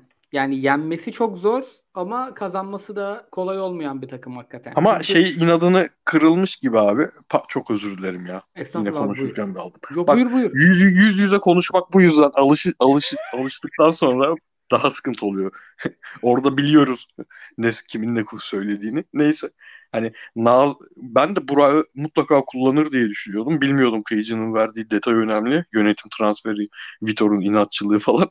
Hani oynarsa o etkili, etkili olur mu olmaz mı onu da bilmiyoruz tabii. Şu an Haybe'ye konuşuyoruz. Ama en azından Nazım orada eee 4-4-2, 4-3-3 falan beki olarak hiç büyük takım beki asla değil Nazım. Ama bu yapı içinde o, o oradaki formayı Nazım alırsa e, hem bir yerde kullanmış olacak hem de bir tarafa ha- lig düzeyinde en azından halletmiş olacak. O da Nazım'ın performansı hep önemli o anlamda. Çünkü Nazım iyi olursa abi senin söylediğin o İrfan'ın e, Gustavo'nun partneri olma işi de daha kolay halledilebilir. Evet yani Fener'in derdi aslında Gustavo'ya iyi bir partner bulmak değil. Gustavo'nun yani orta sahadaki 4 oyuncunun bekler dahil üçünün hücumcu olması. Yani adamlar forvet oynatıyor neredeyse orada da. Orayı hakikaten bir tane bek çözebilir diyelim. Beşiktaş'a bir genel geçelim mi hızlı? Abi gerçekten yayının başında dediğin gibi bir kere bu çıkan Beşiktaş kadrosunun gerçekten konuşulacak bir tarafı yok. Aynen. Yani bu kadroyu izlemeyeceğiz nasıl olsa. Ben sadece şunu söyleyeyim. Ee, bu kadar sakatlık o, o- gerçi yine oldu ama bu derece sakatlık Vitor Pereira'nın kadrosunda olsa şu an bütün Türk medyası Vitor Pereira'nın ne kadar böyle geri kalmış cahil bu şey anlamında sağlık konuları anlamında cahil geri kalmış bir teknik direktör olduğunu konuşur konuşuyor olurdu. Onu ekleyeyim. Aynen. Size bırakayım. An- adamın mesleği antrenörlük. Antrenman bilimine inanmıyor diye çarşaf çarşaf yayın yapan insanlar var. ya. Laktoz testi, efsane laktoz testi. Çok enteresan. Yani burada şeyi söylemek lazım. Bence Beşiktaş kadrosuna göre fena top oynamadı. Yani Altay'ı birkaç kere izledik. Ee, yani fena iş çıkarmadılar. Kenan atsa kazanırlardı da. Ama abi aslında sorun burada başlıyor. Beşiktaş bu sene e, çok geçtiğimiz sene çok fazla rağmen kazandı Beşiktaş. Dar rotasyona rağmen, eksiklere rağmen, rakiplerin transferlerine rağmen, rakiplerin devre arası takviyelerine rağmen hep rağmen rağmen rağmen kazandı. Ama bu sene çok öyle bir sene değil. Çünkü bir o oyuncular bir yaş daha yaşlı. Zaten genç bir takım değildi. İkincisi çok saçma sapan tempo yapan takımların olduğu bir gruba düştüler. Yani Dortmund, Ajax yani keşke bunlardan birinin yerine Juventus gelseydi diyor insan. E, Bundesliga'da işte Hollanda Ligi'nde maçları izleyince. Değişik takımlar bunlar. Ve e, bunların da yanında Beşiktaş'ın sakatlıktan etkilenmeyen bir oyunu var gibi görüyorduk hep ama o biraz da e, Josefe Gezale, Rozier'e bağlı yani buradaki sac ayaklarını da görmüş olduk. Ve Joseph dışındakiler e, patır patır gidiyor. Rozier de fena dayanmıyor. Ne diyorsun abi bu kadroyla ilgili? Çünkü Beşiktaş direkt bir şampiyonluk adayından çok zor durumdaki bir şampiyonluk adayına dönüştü. Bu 12 e, sakatla birlikte senin genel yorumunu alayım. Dilersen maçı da konuşuruz. Yani benim Beşiktaş'a dair 2-3 hafta önce yanılmıyorsam Malatya maçı olması lazımdı. Hani Beşiktaş'ı bu sene beğenmiyorum dememin temel nedenlerinden biri aslında buydu. Yani e, çok eforlu oynayan ama geçen seneye göre eforunu doğru optimize edemeyen bir Beşiktaş bence izliyoruz. Hani bu Antalya Spor maçında gittili geldili 3-2 kazanması işte Adana Demirspor maçında 3-0'dan maçı ölüyü diriltmesi yani ölüyü diriltti orada. Yaptığı değişikliklerle Sergen Yalçın. Ve Altay maçında gene sakatlar vardı. 1-0 öne geçmesine rağmen 2-1 kaybetmesi. Yani burada bir e, SOS var. Geçen sene daha ayakları yere basan, sağlam basan. Abu Bakar, Joseph Gezal'in son gün transferiyle e, bunların takıma adaptasyon sürecinde hiç sakatlık vermeden neredeyse doğru düzgün ivmeyi yukarı koyan bir Beşiktaş vardı. Ama bu sene yani avucundakini rakibe bırakan bir Beşiktaş profili var.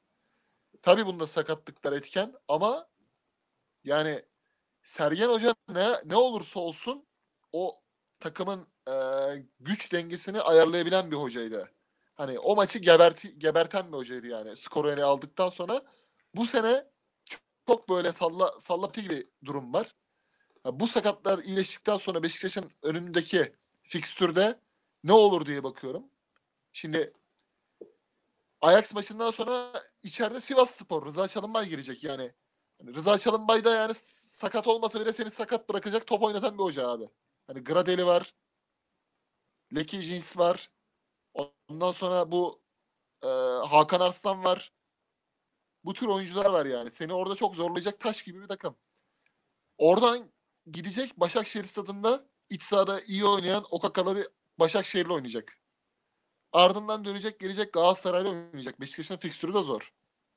Yani bu milli arada ne kadar oyuncuyu iyileştirirse hani sakat e, cezalı şu bu ne kadar oyuncuyu toparlarsa iyileştirirse onun için avantaj. Ama işte Fritz'in söylediği gibi yani şimdi eğer bu Vitor Pereira'nın Portekiz'den getirdiği doktor ya da işte Vitor Pereira'nın takımında olsaydı neler söylenirdi? Hani uyluk kası neden gerilir? Ayak neden sakatlanır? İşte diz, diz neden sakatlanır? Arka adelesi bu piyan için neden atıyor kardeşim falan filan. Bir sürü şey söylenirdi eğer yabancı bir hocanın başına gelseydi. Ama e, tabii şu an medya biraz da Şampiyonlar Ligi'nde oynayan Türk takımı falan diye bu mevzuyu kaşımıyor. Yani Sergen Yalçın'a bu konuda bir e, eleştiri yapıyorsa da taraftar sosyal medyada kendi aralarındaki işte forum veya işte mentionlaşmalarda Twitter'da yazıyordur. E, e, e, yani burada ben geçen seneye göre Beşiktaş'ın birazcık daha e, bu konuda artık ne oluyor antrenman bilimiyle mi alakalı yoksa e, oyunculara dair çok mu ayarlayamadı Sergen Hoca? Çok mu yüklendi acaba Şampiyonlar Ligi için ekstra? Bu bu sıkıntıyı çözmesi gerekiyor. Çünkü yani daha ikinci maç oynayacak Beşiktaş. Önünde dört maç var. Bir de söylediğim gibi Başakşehir, Sivas ve Galatasaray maçları var. E, milli aradan sonra bu oyuncular milli arada da bir yere gidecek. İşte Larin Kanada'ya gidecek. Pjanic Bosna'ya gidecek eğer iyileşirse. Bu tür şeyler de e, var. Onu çok önemli bir şekilde çözmeleri lazım abi. Yani kurul mu olacak artık ne olacak? Sergen Hoca, Murat Hoca ne yapacak, ne edecek onu çözecek. Beşiktaş'ın Şampiyonlar Ligi'nde zaten hep diyorduk takımlar dayak yedikten sonra lige dönmeleri zor olur. Bunlar da abi oynamadan Şampiyonlar Ligi'nde dayak yedi. Yani böyle bir durum ortada. Evet evet kolay değil. Bu arada şey enteresan geldi bana da. Kurcalarken yine gördüm not almışım burada. yani genelde Galatasaray'ın savunmadan çıkış dertlerini konuşuyoruz. Bu sene Antalya ve Kayseri'den sonra yanlış hatırlamıyorsam sahasında en çok top kaybeden takım Beşiktaş. Yani bu skoru tutamama halinin sebeplerinden biri de bu olabilir. Bu da e, bence en çok Josef'in işte Antalya maçında mevkisinin değişip geri gelmesinden, işte stoper rotasyonunun daralmasından falan kaynaklanmıştır. Yani aslında Beşiktaş 1-0'ı sadece topsuz değil, toplu da çok iyi oynayan bir takımdı. Pek o kalmadı. Ama o da dediğimiz gibi sakatları iyileştikçe e, özellikle bu zor fikstürde kırılmazlarsa, milli araya kendilerini atarlarsa çok da e, fark yani geriye döner, eski haline döner gibi geliyor. Ancak hazır e, Şey, Anadolu'dan şey notları... söyleyebilir miyim? Altay ve Mustafa Denizli için. Buyur abi buyur. Şimdi e, biz 4 yıldır işte podcast ortamında da Mustafa Hoca'nın gittiği takımları da konuştuk. Kasımpaşa'yı konuştuk işte. E, İran'da takım aldığı zaman burada konuştuk. Yani hoca gerçekten yerini buldu ya. Yani 72 yaşında.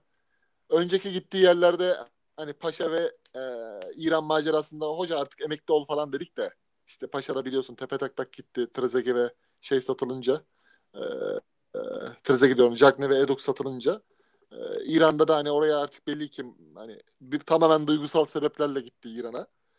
Hani Money Talks konuştu.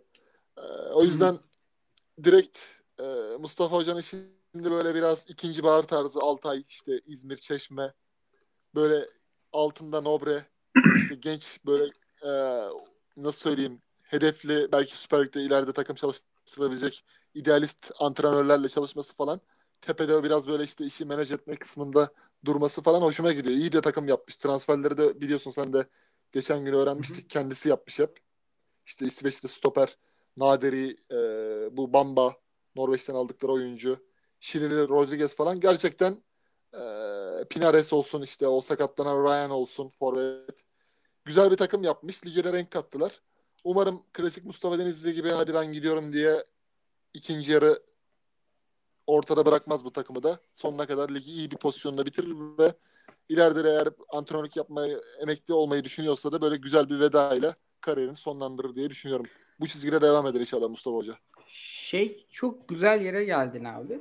Ee, Avrupa maçlarına geçecektim. Hatta öyle geçeriz. Mustafa Hoca'nın yardımcısının Süper Lig'de 50 maç e, teknik direktör olarak çıkmışlığı vardır. Birincilikle birlikte değil mi Nobre'nin? Vardır vardır. Evet, Gençlerde kaybetti. Fatih Hoca'nın bütün yardımcıları hani Levent Hoca kendi kanatlarımda uçacağım diyordu. Ümit Hoca keza. Hepsi yorumcu oluyor bir yerde. Yani bu bir şey değil. Hoca yetiştiremiyor değil zaten. Altay yetişmişini getirebilmiş ya Mustafa Hoca'nın yanına. Yani bunlar çok imkansız şeyler değilmiş. Neden Galatasaray'da böyle bir üst profil bir yardımcı hiç göremedik biz? Yani Levent Hoca Marcelo Lippi oldu iki senedir. E yok ortada hani. Niye hiçbir takım güvenmiyor ki? Diyelim. bir sessizlik oldu ama. Ve Avrupa sınavlarına geçelim Abi dilerseniz. Mustafa Hoca'ya dair ben de şey söyleyeyim ya. Yani biz bu ligi e, özellikle e, işte Twitch yayıncılarını falan izleyen yeni nesle satacaksak yani satacaklarsa oyunla falan çok satamayacağız maalesef. E artık oyuncu kalitesiyle de çok satamayacağız. Öyle acayip topçular da gelmeyecek bu lige. Yani satabileceksek bence böyle hikayeler de satacağız. Mesela biz hepimiz şey hikayesini biliyoruz değil mi? Dean Smith'in e, çocukluk takımı Aston Villa'nın başına geçişini biliyoruz. Niye biliyoruz? Yani bilmem bilmesek de olur. Ama adam bize bunu satıyor. Biz kendi içimizde Mustafa e, Denizli'nin 45 sene sonra doğduğu, büyüdüğü kulübün başında iki günlüğüne de olsa Süper Lig lideri olmasını daha çok konuşturabilmesi lazım yani bu ligi yönetenlerin. Satacaklarsa buralardan satabilmeleri lazım gibi geliyor bana. Aynen. Katılıyorum. Yüzde yüz katılıyorum. Yüzde yüz Net katılıyorum. abi. katılıyorum ben de. Bir daha Abi, Beşiktaş'a dair da şey söyleyeyim. Bundan sonra bir, abi, Buyur abi. virgül çok attı Mustafa Hoca. Bu, buradan sonra artık da yani noktayı koyması lazım bence antrenörlük işinde. Aynen abi. Yani bunun üstüne bir Hazar'la Ankaran falan yapma hocam ya. Burada devam işte. Aynen abi. Bir, biz bir sabah havalimanında Doğan Haber Ajansı'nın koyduğu Mustafa Denizli İran'a giriyor haberini görmeyelim yani. Abi Beşiktaş diyordun sen. Ha, Beşiktaş'a dair abi yani her şeye rağmen de senin girişte söylediğin şey var ya yani böyle bir kadroyla çıkıyorsun ama eee, en iyi halinde oynadığı futbolu oynamaya çalıştığını yine görebiliyorsun. Yani bu kadro antrenmanda bile yan yana gelmemiştir. Ama Altay gibi iyi bir takıma karşı yine de denediklerini yapmaya çalıştıklarını, yapamamaları ayrı bir şey ama yapmaya çalıştıklarını görüyorsun. Yani Sergen Yalçın döneminin de olumlu tarafı bu sanırım. En, en olumlu tarafı. Net. En kötü halinde bile. Net katılıyorum. Abi Avrupa sınavları Beşiktaş e, Ajax deplasmanında biz Marsilya'ya gidiyoruz. Fenerbahçe'de Olympiakos oynuyor. Ben toplam bir puan alacağımızı düşünüyorum 3 takımın. Kim Beşiktaş o bir puan? Fenerbahçe. Fener kazanabilir Olympiakos maçını da. Frankfurt Yani- maçından zor maç ya Olympiakos'ta. Çok zor bir haftaya girdiğimizi düşünüyorum ben de. Evet aynen abi. Ajax izlediniz mi hiç? Uçan Kuş TV veriyormuş maçta. Yok. Ben gollerini mollerini izledim. Can, Ta- Can Tanrıyar veriyor ya. Öyleymiş abi. Geçelim mi Anadolu'dan notlara? Abi şey söyleyeyim ya. Geçen hafta şey konuşmuştuk ya, şey çok takıntı olmaya başladı millette. Pasta çıkmak kötü bir şeymiş gibi. Pasta çıkmayı denemek kötü bir şeymiş gibi. Biz de hani ya artık en e, kapalı savunma oynayan ya da direkt futbol oynamaya çalışanlar da pasta çıkmaya çalışıyor. Çünkü pasta çıkmak tiki taka oynayacağım, 2010 Barcelona futbolu oynayacağım anlamına gelmiyor artık. Çıkmak zorundasın. Rakipler her rakip belli seviyede baskı yaptığı için falan demiştik ya. Az önce abi Torino bir gol attı şeye Venezia'ya. 53. dakikada falan attı golü. Hani merak edip bakanlar olursa. Abi pasla çıktılar ama pası direkt futbol oynamak için savunmadan pasta çıkmayı direkt futbol oynamak için kullanmanın en güzel örneklerinden birini gördüm yani.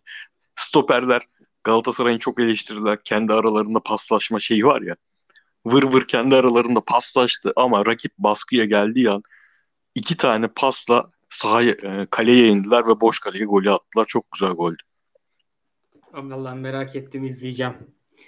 Kayıttan sonra. Geçiyorum Anadolu'dan notlarımız. Roket çünkü. Bu pasta Anadolu'dan çıkma notlarım. Şimdi abi biz bu pasta bu pasta çıkma işini önümüzdeki hafta e, Avrupa yeni yaptığımızda detaylı bir ele alalım ya 5-10 dakika. Tamamdır. Olur hocam aldık. Notlarımızı aldık hocam. Abi e, Başakşehir Rize geçen hafta demiştik. Haftanın en önemli maçı demiştik hatta. E, Okakaçuka darmadağın etti Rize'yi. 3 tane gol attı. Hamza Hoca'nın ilk maçında da kötü bir sınav oldu. Hamza Hoca takımın başında mıydı? Hatırlamıyorum açıkçası. Çok bakmadım.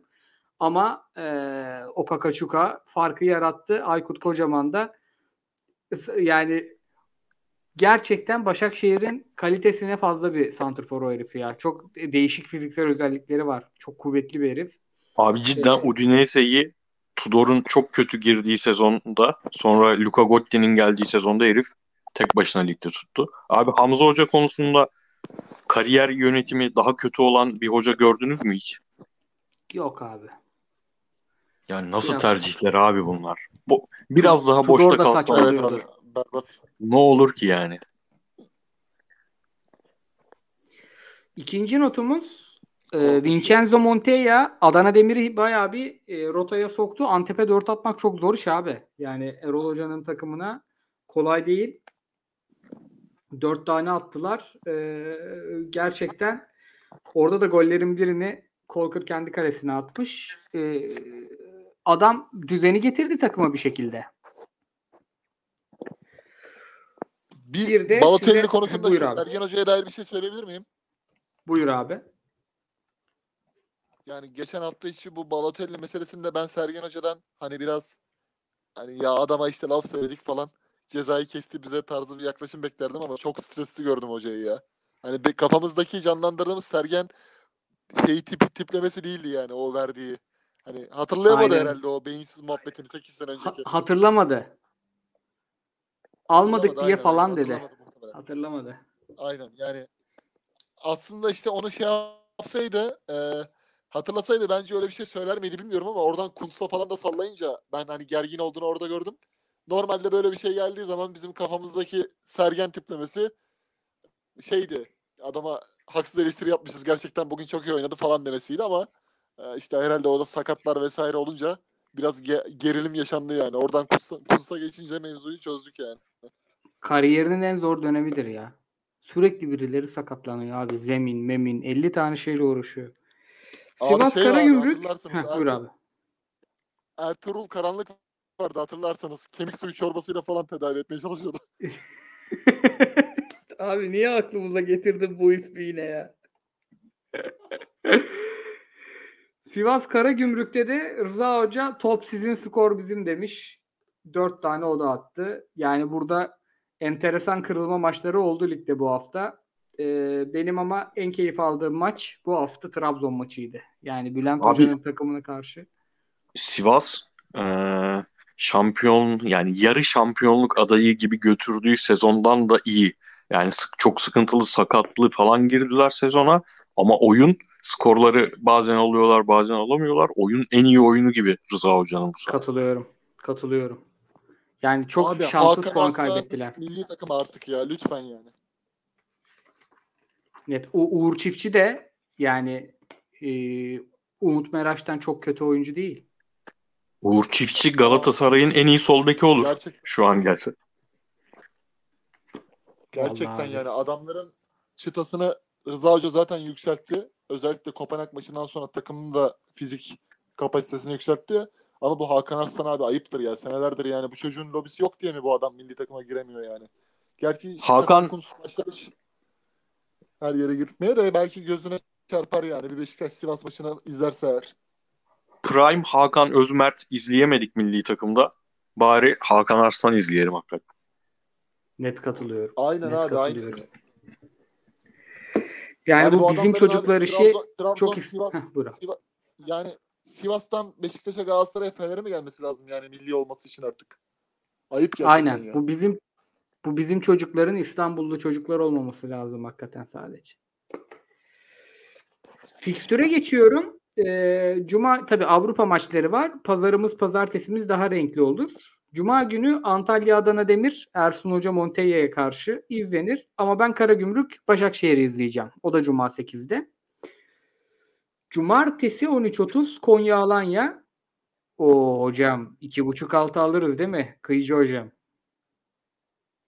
Bülent Korkmaz, İlhan Palut. Bu maçta gol olmaz hocam çok. Abi en son gol ya, olmaz dediğimiz maç 3-1 bitti. o yüzden temkinli yaklaşalım yine de. Göztepe Giresun düşme mevzuları için mühim mücadele. Bunu da bu da izlenir. Kayseri Trabzon e, Trabzon kazanmak isteyecektir. Hikmet Hoca bu hafta Giresun'la berabere kaldı. E, bu maçlara iyi hazırlanıyorlar. Yani Trabzon'un canının sıkılacağı bir maç olabilir. Ama cumartesinin ana yemeği Beşiktaş Sivas. Beşiktaş sakatları ne kadar iyileştirecek, nasıl gelecek bilmiyoruz ama hocam iki program üst üste kullanalım. Sivas istim üstünde. Sivas istim üstünde hocam. Şey Cuma yayın, buyur abi. yayın bugün yayına girerken Fenerbahçe hata yapmadı manşet açacaktım. Hatay ya. Unuttum bak onu. Vay vay vay vay vay.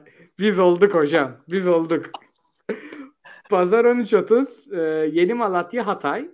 Yani Ömer Hoca'nın takımını çok fazla izleyemedim. Açacağım. 16 Antep Altay. Muhtemelen burada Avrupa maçı olur. Ona hocam pazar günü nereye izliyoruz? Pazar günü yayındayız. Bu sefer de Yeni Malatya lobisi. Malatyalılar izleyemeyecek bizi. Fenerbahçe Kasımpaşa pazar 16'da yine 4'te oynuyorlar. Ee, Rize Galatasaray 19'da. Hocam bunları zaten biz beraber izleriz. Program çıkışında bir şöyle tatlı tatlı bir yemeğimizi iç, yeriz hocam. Rize Galatasaray'da çok önemli bir mücadele. Tahir Kıran gereksiz yere gerdi. Sahaya gömeceğiz falan filan diye bir reaksiyon olur orada da diye düşünüyorum ve sorulara geçeyim mi? Olur.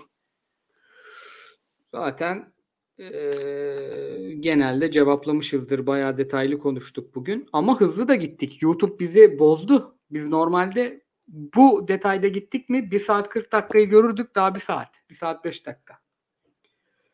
Aynen. Abiler selamlar demiş Wunderkind. Umarım keyifler yerindedir. Sizce Mustafa Muhammed denklemden çıktı mı? Bence Cagne'den çok şans verilmesi gerekiyor. Hiç katılmadım. Kıyıcı sen ne diyorsun abi?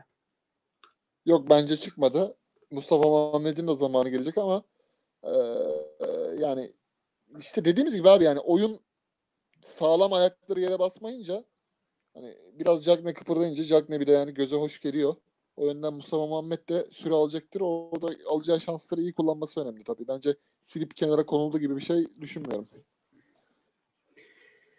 O zaman bu soruyu da Ferit hocama sorayım. Ustalarım, üstadlarım Karagümrük'ün iki haftada 8 gol atıp son iki maçta hiç atmaması, Jimmy Durmaz'ın sağ iç 8 gibi oynamasına ve Karagümrük nasıl bir takım onu e, yorumunuzu bekliyorum. Hocam Galatasaray'a geldiğinde Jimmy e, orta sahanın merkezinde oynar. Fransa'da orada oynadı, bayağı güzel oynadı diyordun sen. Adam yine orada kullanıyor. Değişen bir şey yok sanki. Abi bu, özellikle bu bizim e, YouTube yayınları sonrası benim gündüz maçı izleme şeyim tamamen ya gündüz Süper Lig maçı izlemem çok azaldı. Anadolu takımlarını en az izlediğim sezon olabilir bu. Çünkü hani cumartesileri artık Avrupa tamamen Avrupa izliyoruz. Karagümrük'e dair söyleyebileceğim o anlamda hiçbir şey yok ya. Sadece Jimmy'nin o Toulouse halini anlatırım. Şimdi de 2021'de de Toulouse Jimmy durmasını anlatmayayım boşver. O zaman diyelim biz zaten hep yani diyorduk Anadolu takımlarını bir 10 hafta kilometre yapıyoruz. Mustafa Uzun sormuş. Abiler selamlar demiş sağ olsun. Fenerbahçe'mize sessiz sedasız beklentisiz gelen Zalai, Pelkas, Kim ve özellikle Valencia'nın takım için vazgeçilmez hale gelip beklentiyle gelenlerin sıçmasını niye bağlıyorsunuz diye sormuşlar. Ee, yani aslında hepsini ya bunların bazıları hoca bazıları yönetim transferi midir abi kıyıcı? Yani bazıları için iyiler Emre Belezoğlu transferi diyorlar. Genelde. Zala için falan. Ama abi şey ya genel perspektif zaten belli hani e, potansiyelli işte düşük bonservisi, düşük maaşlı e, yatırım oyuncusu ve yani bu %90 isabet sağlıyor yani Galatasaray'da da öyle gördüğümüz üzere Rumenler de öyle yani. E, o yönden biz hep konuştuk burada işte Galatasaray'la silik yarışı için İrfan Can transferi, e, Acun Ilıcalı'nın devreye girdiği için Mesut Özil transferi bunlar Fenerbahçe'nin yani e, yeni yapılanmasında doğru transferler değildi ve netice ortada yani. Tıpkı Galatasaray'ın Emre Akbaba ve Falcao transferindeki e, şatafatlı işleri gibi. Yani oyun belli olmadan oyuncuyu aldıkları 3 sezon geçirdiler. Şimdi oyun belli olunca oyuncular da iyi gözüktü. Daha iyi Tabii, oyuncular tabii. da geldi Şimdi oraya mesela uygun. bence Vitor eğer devam ederse seneye Luis Gustavo 35 yaşına girecek. O yönden oraya da e, kendi data listesindeki bir oyuncuyu koyacak yani. Portekizli olur veya başka bir oyuncu olur. Bir tane oyuncuyu çok istemişlerdi. 10 kağıt çektiler. O tarz bir şey olur yani. Japon muydu o çocuk ya? Nikita mıydı öyle bir Sanki şey? Japon Portekiz asıllı mıydı neydi? Abi aslında Ersun Hoca da zamanında da bu isimler hani Thomas Suçek istiyordu Ersun Hoca. Ben hatırlarsanız sana hep bahsettim. Slavia Prag'da oynuyordu o zaman. Şimdi adam West Ham'da yani. Şufal'la beraber West Ham'da oynuyor. Hani Suçek de yani doğru bir profilde o 4 numaraya 8 milyon euro vermediler mesela o zaman. Ama Mesut'a gelince 8 milyon euro da var. Maaş da var. Her şey var. İrfan'a gelince 11 milyon euro da var yani. Doğru bu transfer hakikaten yani bütçeyi kendi değil güvendiği adamı kullandırması lazım hakikaten. Gürhan'ın ve Zazama Sinirli'nin sorularını cevapladık zaten Galatasaray tarafında. Ee, Şafak'ın da dedik, e, cevapladık. Ee, sergilemiyordu. Komandante Galatasaray'ımızın Halil ve Cagney'i aynı anda sahada tutacak bir formül araması gerekmiyor mu demiş. Hepimiz gerekiyor dedik değil mi buna? Tabii tabii. 4-4-2 gerekiyor. Gerek oynattık. kenar forvet. Biz- şey. Zor bir şey olmaması lazım abi bunun yani. Gayet şu- anki mevcut 4-1-4-1'de de rahatça oynana oynayabilecek bir ikili bunun. Tabii tabii. Hele Kerem Katılıyorum. Börek'ten Aynen abi. Ben ben yani Kerem'i her şeye rağmen çok kıymetli buluyorum. Ama Kerem e, takımın organizasyondan organizasyonundan bağımsız bireysel olarak bu kadar hatalı kararlar alıyorken, bu kadar top kaybı yapıyorken orada belki hani sağda Morton tam oturtursa Galatasaray e, sol taraftaki oyuncunun daha çok alanları işleyen, aklıyla oynayan topa daha az dokunacak bir oyuncu olması. Gerçi Halil'de de bir şey var. Böyle daha çok şuta gideyim, kendimi oynayayım yavaş yavaş onda da var da genel profil olarak en sağlıklı profil o olur. Katılıyorum valla.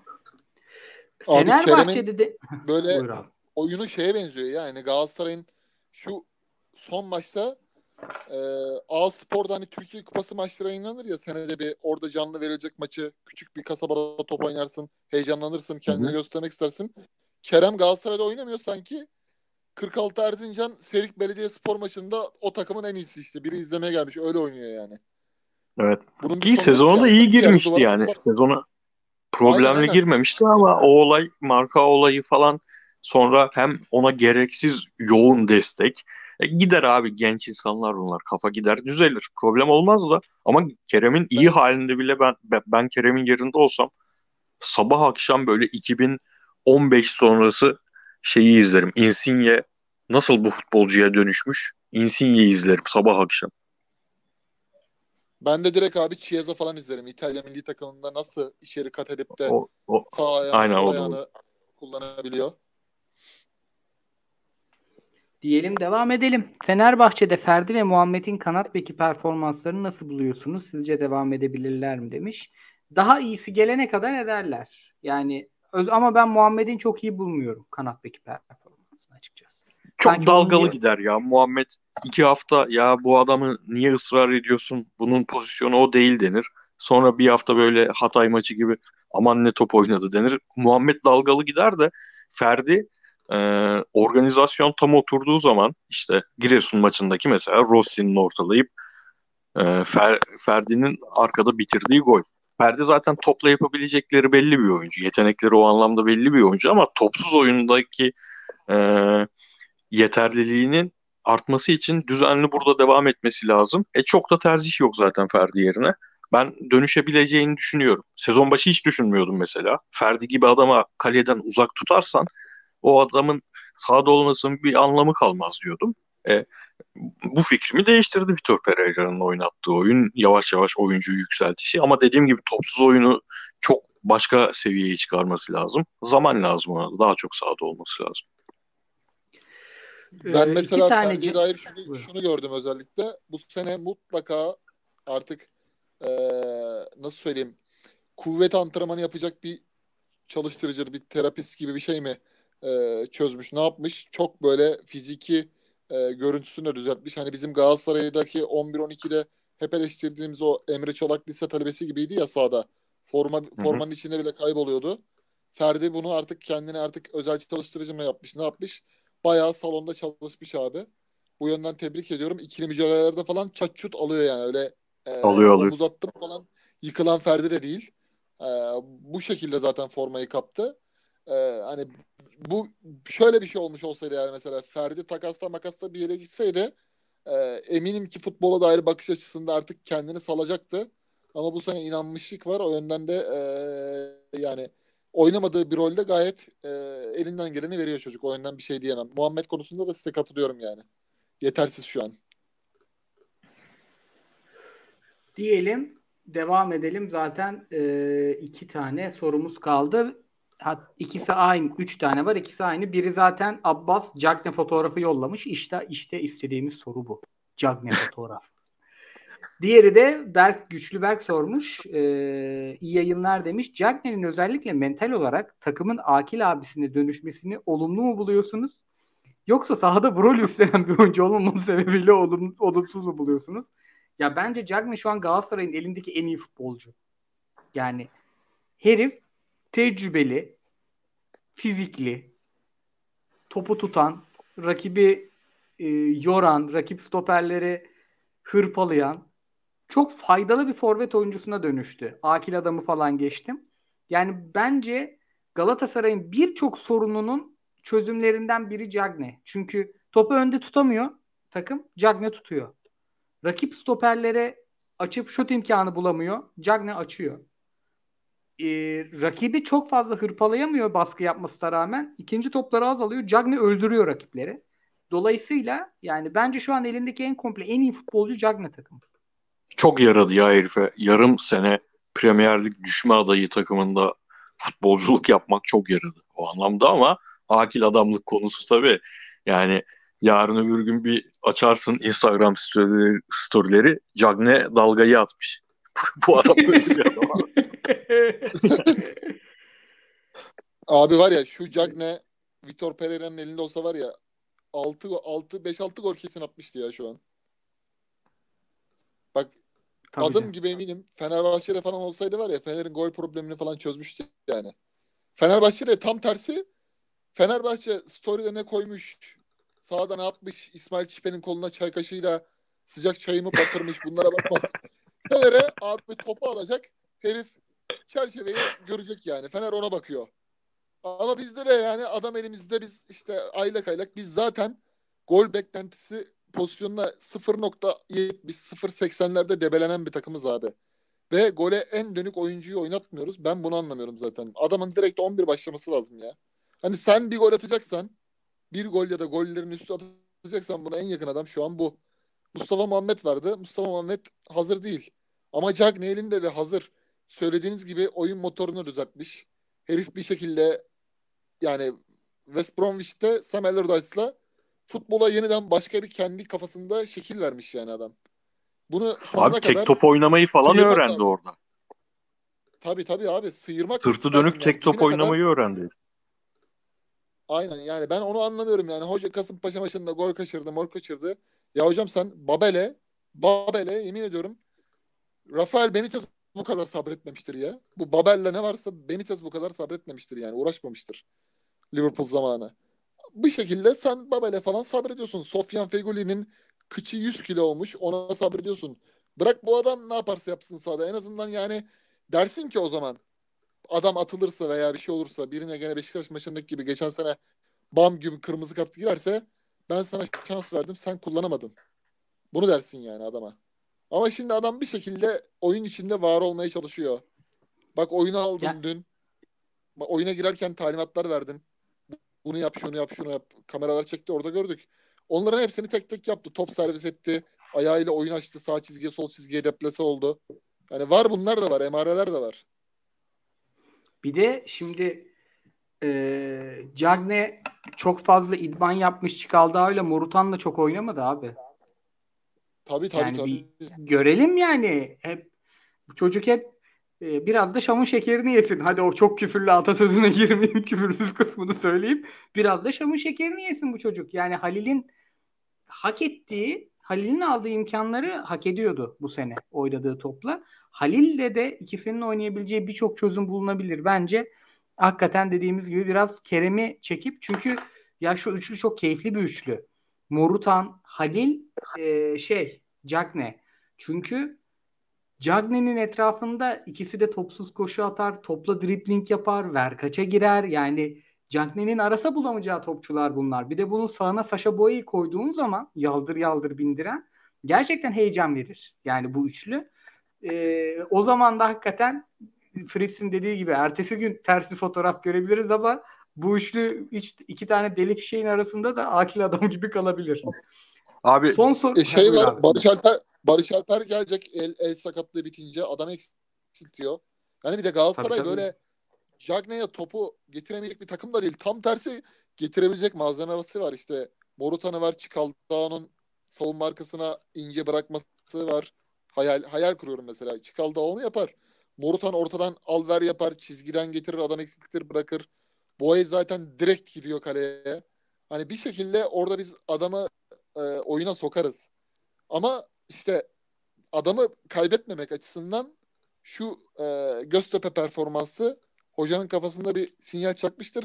Ben Rize'de de net gol bekliyorum. Hatta iki gol falan bekliyorum yani. Eğer ki o şeye sokarsak, tornaya sokarsak adamı. Tabii tabii. Katılıyorum. Ve yani eee, en azından böyle çok radikal 35 tane topçusu değişmemiş bir takımda oynarsa ben de skor yapacağını düşünüyorum. Bir de penaltı Şeye- kazanırsın abi oyundayken. Penaltı atıyor herif. abi Cagne konuşmayı ne çekmiş canınız ya. Aynen hocam sen ne diyorsun ya? Dün gece resmini öp- öptüm de yattım ya. Hocam. 10 dakikadır araya gireceğim giremiyorum. Venezia'da oyuna Koray'a duygusal bir bilgi vereyim. T. Henry isimli bir oyuncu girdi ve numarası 14. Henry'nin Arsenal maçındaki fotoğraf nasıl? Giymiş Aa, retro formayı. Aynen. İşte işte bu yüzden Arsenal'liyiz. Bu pazar bir Tottenham maçını konuşacağız enine boyunu. Gördüğüm en iyi retro forma ya son zamanlarda. Ben buldum. Ben buldum o formayı. Hafif illegal bir yoldan. Atayım size alalım isterseniz. Çok iyi forma ya. Tabii canım pazar sahilde yürüyüşe çık. Aman Allah'ım British İngiliz. Müthiş. Ee, son sorumuz Hikmet Karaman'la ilgili yakışır. Profesör of Futbol sormuş. Abiler selamlar sevgiler. Benim sorum Hikmet Bielsa hocam için. İstediği zaman ortaya sağlam taktikler çıkarıp karşı takımı yamulttuğunu çok gördük ama bu hafta olduğu gibi Giresun gibi iddiasız takımlara kendisi yamuluyor. Bunu karşısındaki dikkati ciddiye almamasına yorabilir miyiz? Abi Kayseri öyle yani bu tarz lüksü olan bir kadro değil ya Kayseri. Bir de Kayseri'de başkanı 3 yılda 5 tane hoca yemiş yani. Dolayısıyla ben öyle bir durum olacağını düşünmüyorum. Giresun Fenerbahçe'ye de dert çıkardı. Yani çok kadro kötü ama çok kötü oynamıyorlar. Ondandır yani her takımın iyi günü kötü günü olur. İzleyemedik. Bir şey diyemiyoruz abi. Yayındaydık. Aynen. Ee, Buğra'nın sorusunu da cevaplamış olduk. O da Galatasaray'la ilgiliymiş. e, oyunla ilgili. Soruları da bitirdik. 80 dakikayı da geçtik. Abiler kapatalım yavaş yavaş. Ağzınıza sağlık. Eyvallah. Eyvallah. Bu arada e, izlemeyenler için NAS Spor ekranlarındaki Şampiyonlar Ligi fikstürünü ve Avrupa Liglerindeki hafta sonu fikstürünü konuşmuştuk. E, kaçıranlar varsa tekrardan izleyebilir. İzleyenlere de teşekkür Yani ederiz. Avrupa Ondan sonra- ligleriyle ilgilenmeyenler de ya Avrupa konuşuluyor diye bence şey yapmasın. Yine normal muhabbetimizi yapıyoruz orada da. Aynen, Aynen, hocam. aynen. Aynen. Hayatın içinde. Pro- programın başlığını değiştirmişler gördünüz mü?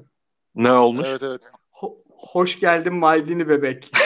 Budur tamam çok iyi. Kim yaptıysa güzel. eline sağlık. Ha, Vallahi ellerinize sağlık diyelim. Lapspor ekibine de. Haftaya yine görüşmek üzere. Dinlediğiniz için çok teşekkürler. Yine her yerde bir numarayız. Ee, haf- Pazar günü Avrupa yayınımızdan Altspor'da. Pazartesi de lig maçından, oynanan son lig maçından sonra farklı kaydette görüşmek üzere. Hoşçakalın. Görüşmek üzere. Hoşçakalın.